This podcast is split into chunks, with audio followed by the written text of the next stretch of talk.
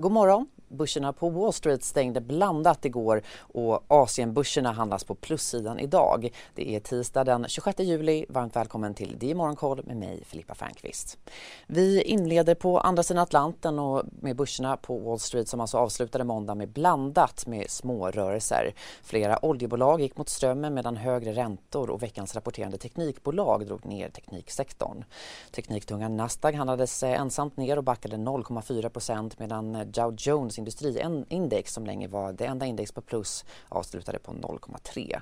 S&P vände upp för avslut och stängde på plus 0,1% Bland enskilda bolag så rapporterade eh, varuhuskedjan eh, Walmart ett, eh, en nettoomsättningstillväxt om 7,5% för det andra kvartalet. Tillväxten väntas fortsätta hela det brutna räkenskapsåret.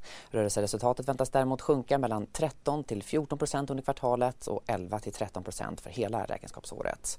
Justerad vinst väntas minska med 8-9 för kvartalet och 11 till 13% för räkenskapsåret. Aktien den föll 9% i efterhanden vid 23-tiden igår kväll. Ett annat rapporterande bolag är vitvarutillverkaren och eh, Electrolux-konkurrenten Whirlpool som redovisar ett högre resultat än väntat på 6 dollar 62 cent per aktie för andra kvartalet. Marknadsförväntningarna låg på 4 dollar 26 cent per aktie. Intäkterna kom däremot in något lägre än väntat på 5,1 miljarder dollar jämfört med väntade 5,2 miljarder. Aktien den steg klockan 23 runt 1,5 procent i efterhanden. Och idag så väntar vi fler rapporter från amerikanskt håll och då är det bland annat Microsoft, eh, Alphabet i de sekunderna när jag är i luften så är det en kamp på liv och död. I Spotlights serie Vinnarskallarna minns stjärnorna själva de dramatiska svenska sportögonblicken. Hör Anja Persson berätta om när hon kraschade i OS-backen men reste sig igen. Jag ville vinna över berget. Vinnarskallarna. Nytt avsnitt varje fredag. Sök efter podden Spotlight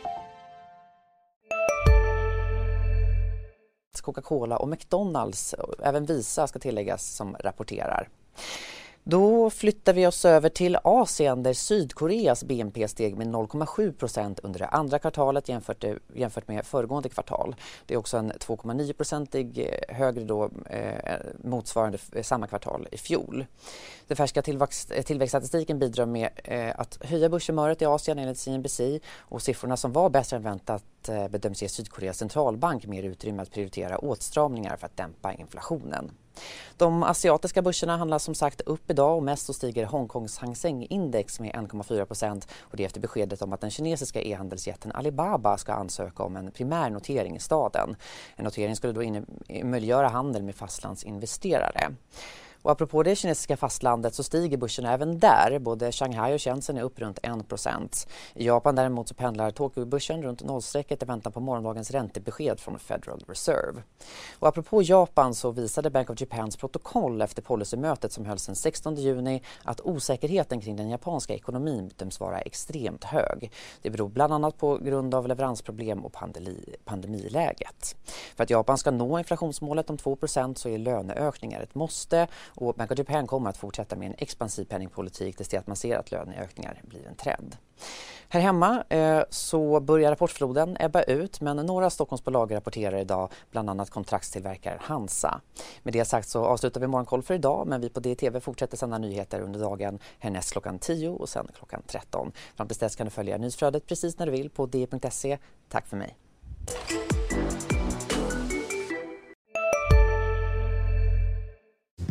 Hej, Synoptik här.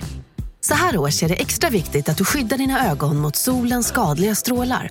Därför får du just nu 50% på ett par solglasögon i din styrka när du köper glasögon hos oss på Synoptik. Boka tid och läs mer på synoptik.se. Välkommen! CSRD, ännu en förkortning som väcker känslor hos företagare. Men lugn, våra rådgivare här på PWC har koll på det som din verksamhet berörs av. Från hållbarhetslösningar och nya regelverk till affärsutveckling och ansvarsfulla AI-strategier. Välkommen till PWC.